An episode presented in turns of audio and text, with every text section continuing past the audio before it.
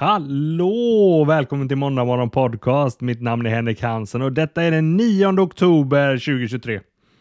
Jag är här för att checka läget. Vad gör du där ute? Äntligen är det måndag. Det är måndag! Det är måndag. Alltså, jag är förlovad. Vi är förlovade. Är inte jag och podden, men jag och Sara. Alltså man skulle kunna kalla detta avsnittet eh, tummen ur. Äntligen! Skulle nog eh, folk säga. Sara säger kanske. Nu ska ni få höra allt. Vi har ju en liten bebis i magen och så skulle vi åka på ultraljud i torsdags. Och eh, vi åkte dit. Allt var fint. Vi kom in och allt ser bra ut. Alltså det är en liten grabb in där inne. Han ligger och sprattlar och dansar. Och allt har utvecklats precis som det ska. Vi har fått ett datum. Ja, vi är så himla glada. Och när hon, eh, sjuksköterskan, skulle visa oss eh, vår lille grabb så eh, skulle hon samtidigt kolla könet, så då zoomade hon in på könet. Och så säger hon, eh, ja den här killen gillar att visa upp sig. Vad jag säger, ja, han är välhängd som pappa. ja, det, blev, det blev helt tyst. Men uh, ja. ja det, det, det är inte lätt att leva med mig. Det, och då, då fattar ni ju. Om jag frågar om hon vill gifta sig med mig, då är det mycket som snurrar i hennes huvud som hon måste ställa sig. Eller så har hon redan tagit det beslutet för länge sedan. Vem vet. Men vi åkte hem därifrån. Eh, vi hade väldigt mycket eufori i eh, bilen hem. Det var väldigt mycket glädje. Och sen när vi kom hem så var våran lilla hund hemma, Walter, alltid glad och möter upp oss. Och eh, jag gick in i köket, hämtade en, eh, en hundgodis, en liten korv som man älskar. Så gick jag med den till Sara, gav den till henne och så sa jag nu ska vi träna här. Och vi brukar träna så här. Vi brukar, en av oss har någonting och sen så ger man Walter eh, en, eh, en leksak och så säger man eh, ge den till Sara, ge den till mamma. Så jag eh, gav henne den här hundkorven. Så tog jag Walter, gick in i mitt rum, så hämtade jag asken med ringen. Och sen eh, ger jag den till Walter och så säger jag ge den till mamma. Och han blev ju superglad. Han fattar ju direkt vad som höll på att hända. Så han sprang in med denna till eh, Sara. Och hon bara åh vad är det här? Oj! Och så öppnade hon ju då. Och jag gick in där, gick ner på knä. Och så frågade jag om hon vill gifta sig med mig. Det blev eh, väldigt fint. Vi eh, båda blev väldigt tagna av eh, stunden. Dels för att vi hade fått se våran eh, grabb och att allting var bra. Han var frisk. Och att eh, vi nu är förlovade. Vi är så himla lika på många sätt. Jag är så himla glad att hon vill leva sitt liv med mig. Senare på kvällen så, ja efter detta så åkte ju Sara till jobbet, jag åkte till jobbet. Men sen på kvällen så hade jag ju lagat mat, självklart. Och jag hade köpt eh, flera chokladaskar som jag hade gömt här omkring i eh, huset. Som hon eh, fick hitta under kvällen. Ja men det här var, det var en riktigt bra torsdag. Och jag har, jag har länge tänkt hur jag ska fria. Och jag, jag har funderat på att hyra ishotellet. Hela hotellet, alla rum. Nej, kanske inte det, men ett rum. Resa bort, resa långt. Och när det inte har blivit av under vintern så har jag tänkt att ja, nästa vinter så ska jag hyra en sån isiglo eh, någonstans och så ska jag fria där. Och, och ju mer jag tänker på det, ju större blir allt som jag ska planera. Ju större blir allting som jag, liksom hur, det ska vara så perfekt, perfekt. Så för ett litet tag sedan, eh, strax innan vi fick reda på att eh, vi är gravida, så tänkte jag, det bästa är ju för oss i alla fall att fria när glädjen är som störst. Så till, till en början så tänkte jag ska fria när, eftersom vi planerar att skaffa barn, när vi får reda på att vi får barn. Och då missar jag ju den, som man gör med allt. Och då tänkte jag när vi har gått på första ultraljudet så man får veta att allting är bra. Då fick vi inte veta att allt var bra, för vi var lite tidiga, så vi fick se att hjärtat slog och det var jättefint, men vi var lite tidiga, vi kunde inte få något datum och så vidare. Så då tänkte jag, nästa gång har de lovat att vi ska få datum, nästa gång är allting planerat, så jag fixar ring innan dess, planerar allt. Och så blev det. Och jag tycker att det blev eh, riktigt bra. Jag tror att det är det är svårt att planera det perfekta tillfället i huvudet. Man får, eh, man får bara ta tag i det och tänka att det får vara glädje en stund. Det behöver inte vara en resa utomlands med tanke på att vi inte ens gillar det längre. Vi har ju blivit, alltså vi är snart den kompletta svennen. Den kompletta Svensson-familjen. Vi, vi har skaffat hus. Vi har barn på väg. Vi har köpt en kombi. Vi har skaffat hund. Och vi har en katt. Det är bara barnet som saknas. Och det är ju på väg. Och sen är det giftermålet. Så fort man är gifta, då har vi, då är det det kompletta svennelivet. Och jag, jag vill inte ha något annat liv.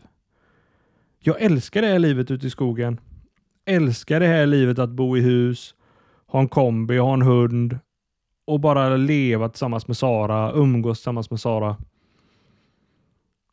Det, det, är också det jag ser fram emot varenda dag, varenda helg. Att jag bara vill, vill vara hemma. Vi, vi var tillsammans med Sara, uppfostrar en liten grabb nu. Umgås med våran lille vovve. Ja, det är sjukt. Jag kommer ihåg när man var yngre så tänkte man åh det här svennelivet är så tråkigt. Åh, du ska Volvo. Ska du bli svenne eller? Åh. Vad fan var det för liv man ville ha då? Jag tror inte jag fattar vad det var för liv jag ville ha. Jag fattar bara att uh, jag inte ville ha ett liv som alla andra. Nu vill jag inget heller. Nu vill jag ha ett liv som alla andra. Jag vill ha det här drömsvennelivet. Väldigt average. Och jag är så himla nöjd med det. Och så himla glad. Ja, det har varit en stor vecka för oss. Och nu har vi ett nytt datum att se fram emot varje år. Som vi alltid kan fira.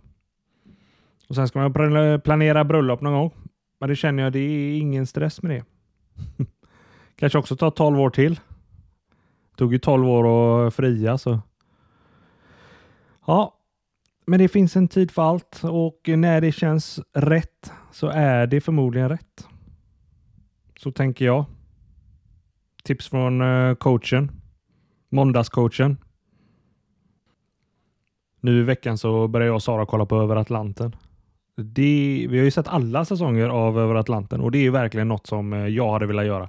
Sara hon är ju livrädd och hon hade ju absolut inte velat göra det. Men den utmaningen där när det blir storm eller när det blir helt vindstilla och man bara kan stanna mitt ute på havet i 5500 meter djupt. Hoppa i vattnet där och bara ligga och flyta och känna att benen dinglar 5000 ovanför marken. Ja, det, är en, eh, det är en skräckupplevelse jag skulle vilja vara med om. Maria Montazami är ju med i år. Hon är ju en fantastisk människa. Hon gnäller aldrig. Klagar aldrig på något. Jag har ändå sett alla säsonger av detta.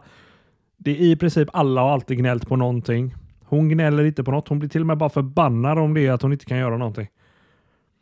Och sen eh, Mickey D är ju med också. Trummisen i eh, Motorhead. Och han eh, har ju tagit på sig att han ska fiska. Så han har ju lagt i eh, fiskespön som ligger och släpar. Ett bete som ligger och släpar eh, från två olika fiskespön tror jag. Eh, efter båten och det har ju legat och släpat ett tag.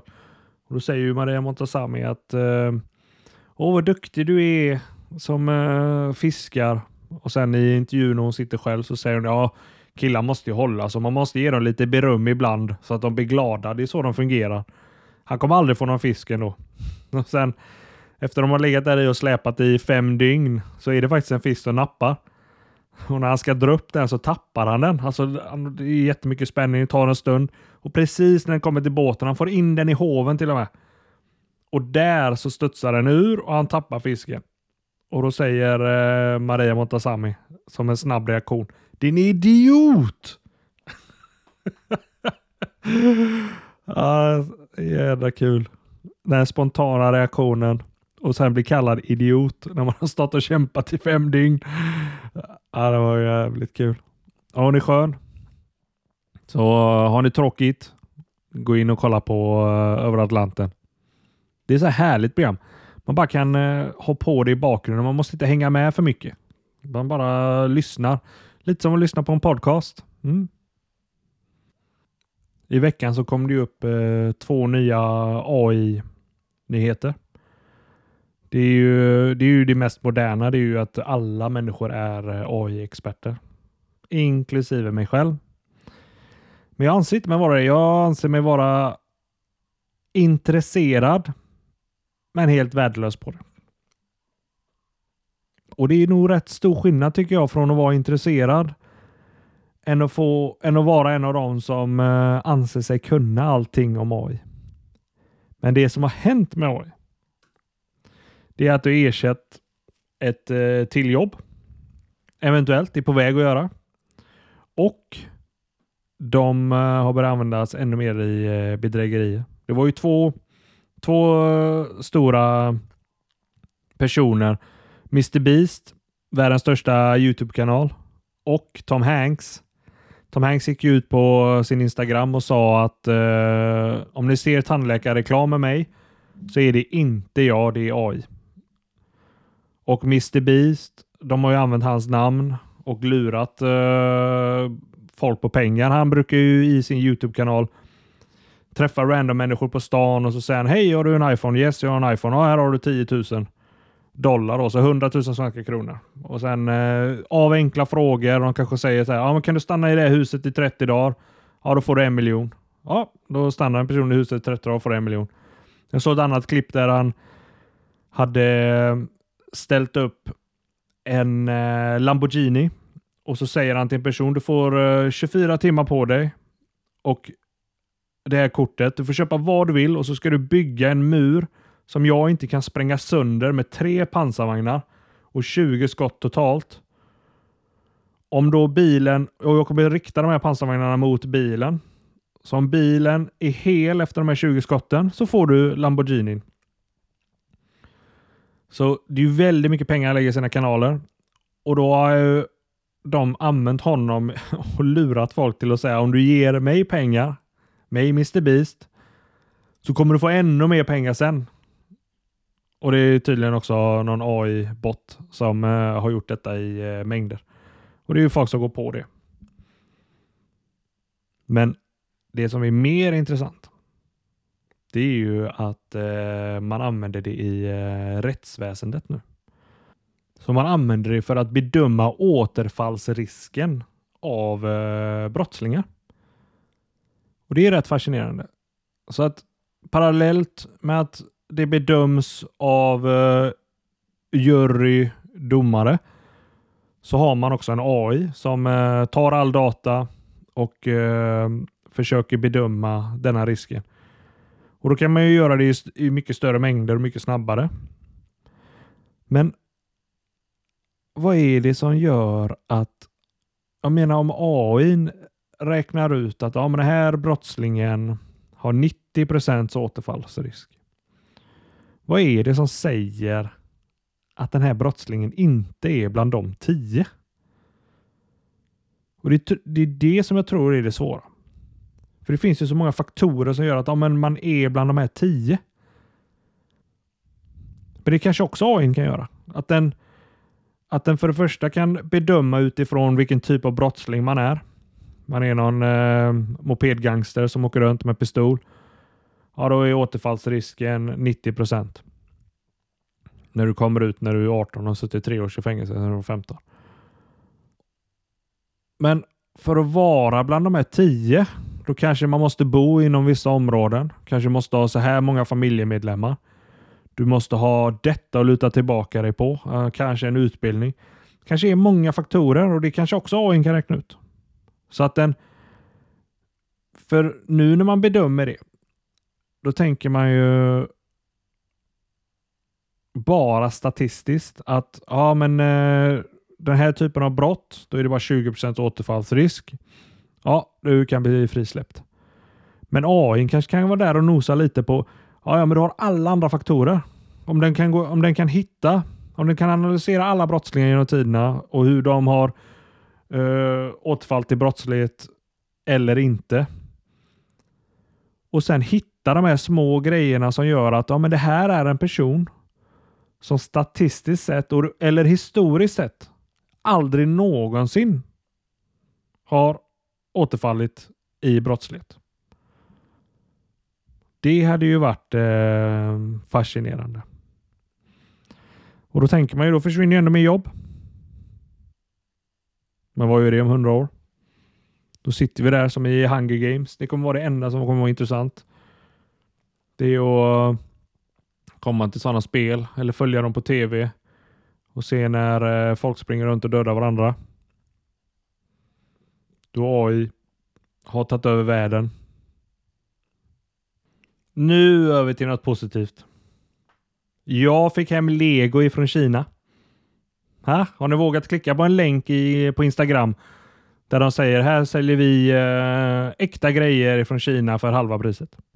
Så i den är den stod det att du kan få köpa Millennium Falcon 8500 bitar för 700 kronor. Och den kostar ju normalt sett eh, 7000 plus, kanske 7 5 och det är 8000 bitar. Och då tänkte jag så här. Det är nog väldigt liten chans att det här är äkta. Men det finns ett Millennium Falcon en mindre version som, är, som kostar kanske 1 6 och det är eh, 1500 bitar. Och Då tänker jag, om det nu skulle vara så att det inte är det feta skeppet, men det är det lilla skeppet, så är det ändå en win. Så jag gick in, köpte den här från Kina och sen fick jag ingenting. Och Jag väntade så länge att jag glömde av det. Och sen efter ungefär tre till fyra månader så hade jag fått ett paket. Så jag åkte och hämtade ut det. Jag hade ju glömt av vad detta var. Så jag åkte hem, packade upp detta paketet och det var ju en eh, ingen legolåda kan man säga. Det var en brun låda med legobitar i. Men allting var snyggt förpackat. Det var förpackat i sektioner. Eh, det var en instruktionsbok där i. Och mycket riktigt, Millennium Falcon. Men den lilla då. Men jag tycker ändå att det var coolt att det att det gick. Vi har alltid tänkt att allt sånt där är fake. Men nu ska jag kasta bort 700 kronor här för att själv få ett svar om det faktiskt går att köpa de här grejerna. Lurad ska jag ändå säga att jag blev. Jag fick ju inte det feta skeppet som de hade utlovat. Men jag fick ju ändå ett fett skepp. Och Saras reaktion var ju ändå att jag vågar chansa. Nästan som Montazami när hon säger din idiot. Men ja, ja. Det är... Sånt är livet. Man ska chansa lite. Jag chansar ju inte när jag friar i alla fall. Det tog ju ändå... Eh, det var genomtänkt i 12 år. Jag frågade Sara häromdagen, jag spände armen och så säger jag känn på mina muskler. Då sträckte hon fram eh, två fingrar och så nöp hon mig i gäddhänget. Och hon nöp så jävla hårt så det gjorde så jävla ont. Och det, då tänkte jag, det här är en sån tjej jag vill leva med resten av livet. Ta livet med en klackspark och skrattar åt den när musklerna inte är så stora. Ja, det är, det är fan alltså. Jag har fått lite frågor här. Den första lyder så här. Hej Henrik! Tack för en härlig start på måndagar. Hur går det med vilken vecka ni är i? Snurrigt med datumen. Ha en underbar vecka och skit ner dig. Tack för det. Jag gillar hur du avslutar din fråga. Det ska inte vara för PK. Dra åt helvete. Skit ner dig. Fuck you. Ja, men eh, allt sånt är ju trevligt. Jag tror denna människan syftar på datumen. Att jag... ja, i, veck... I något avsnitt så säger jag att vi är i vecka fem. När jag skulle säga 15. Och, i... och jag hörde det när jag lyssnade igenom. Jag editerade lite. Jag tycker det är lite kul att man släpper avsnitten eh, oediterade. Det blir som det blir. Sen eh, vet jag att jag sa vecka 12 i något avsnitt. Eh, vilket jag tror var vecka 12. Men jag tror att just när jag säger vecka 5 så snurras det till lite. Och förra veckan så sa jag vecka 18, men nu är det vecka 20. Eh, noll koll va? Ja, det är... Men det är vecka 20 nu. Och det är fantastiskt. Att ni ställer frågor. Ställ vilka frågor ni vill. Har du problem med något? Är det något du behöver lösa? Har det hänt något i livet? Undrar du något av mig? Det är bara att fråga på. Du får skriva vad du vill. Det här är en högt till tak podcast. Här filtreras inget och jag säger vad fan jag vill. Jag såg nu eh, på Instagram att eh, Chuck Norris, han hade blivit eh, självmedveten. Jag älskar ju Chuck Norris-skämt. Alltid gjort. jag har hört rätt många. Säkert de flesta. Men eh, nu så hade han själv stått och kollat på, eh, hållit upp en, eh, en bild på en tiger till kameramannen. Och så han, berättade han en historia där om att eh, eh tigervakten eller Tigerskötan heter det nog, hade stått där bredvid och sagt att eh, ta det nu lugnt. Res dig upp sakta och backa därifrån. Och då säger Chuck Norris. Så tigern reste sig upp sakta och backade därifrån. Om ni inte hänger med på den, då kommer ett annat här. Han var ju med i filmen Expandables. Den filmen med massa gamla actionhjältar ifrån 90-talet. Bland annat Sylvester Stallone. Så i den filmen så säger ju Sylvester Stallone till Chuck Norris och så frågar han honom eh, hur många armhävningar kan du göra? Och svarar Chuck Norris alla. alltså Chuck Norris är ju bäst. Chuck Norris, han missade en gång, två dagar från skolan det kallas nu helgdagar. ja. När Chuck Norris fyllde 18 år flyttade hans föräldrar ut. Chuck Norris pissade en gång i eh, tanken på en lastbil som ett skämt. Den eh, lastbilen är idag känd som eh, Optimus Prime. ja, det var allt för idag. Nu är jag hungrig så nu ska jag gå och käka frulle. Chuck Norris förlorade oskulden före sin pappa. Ha en fin vecka så hörs vi igen nästa måndag. Hej!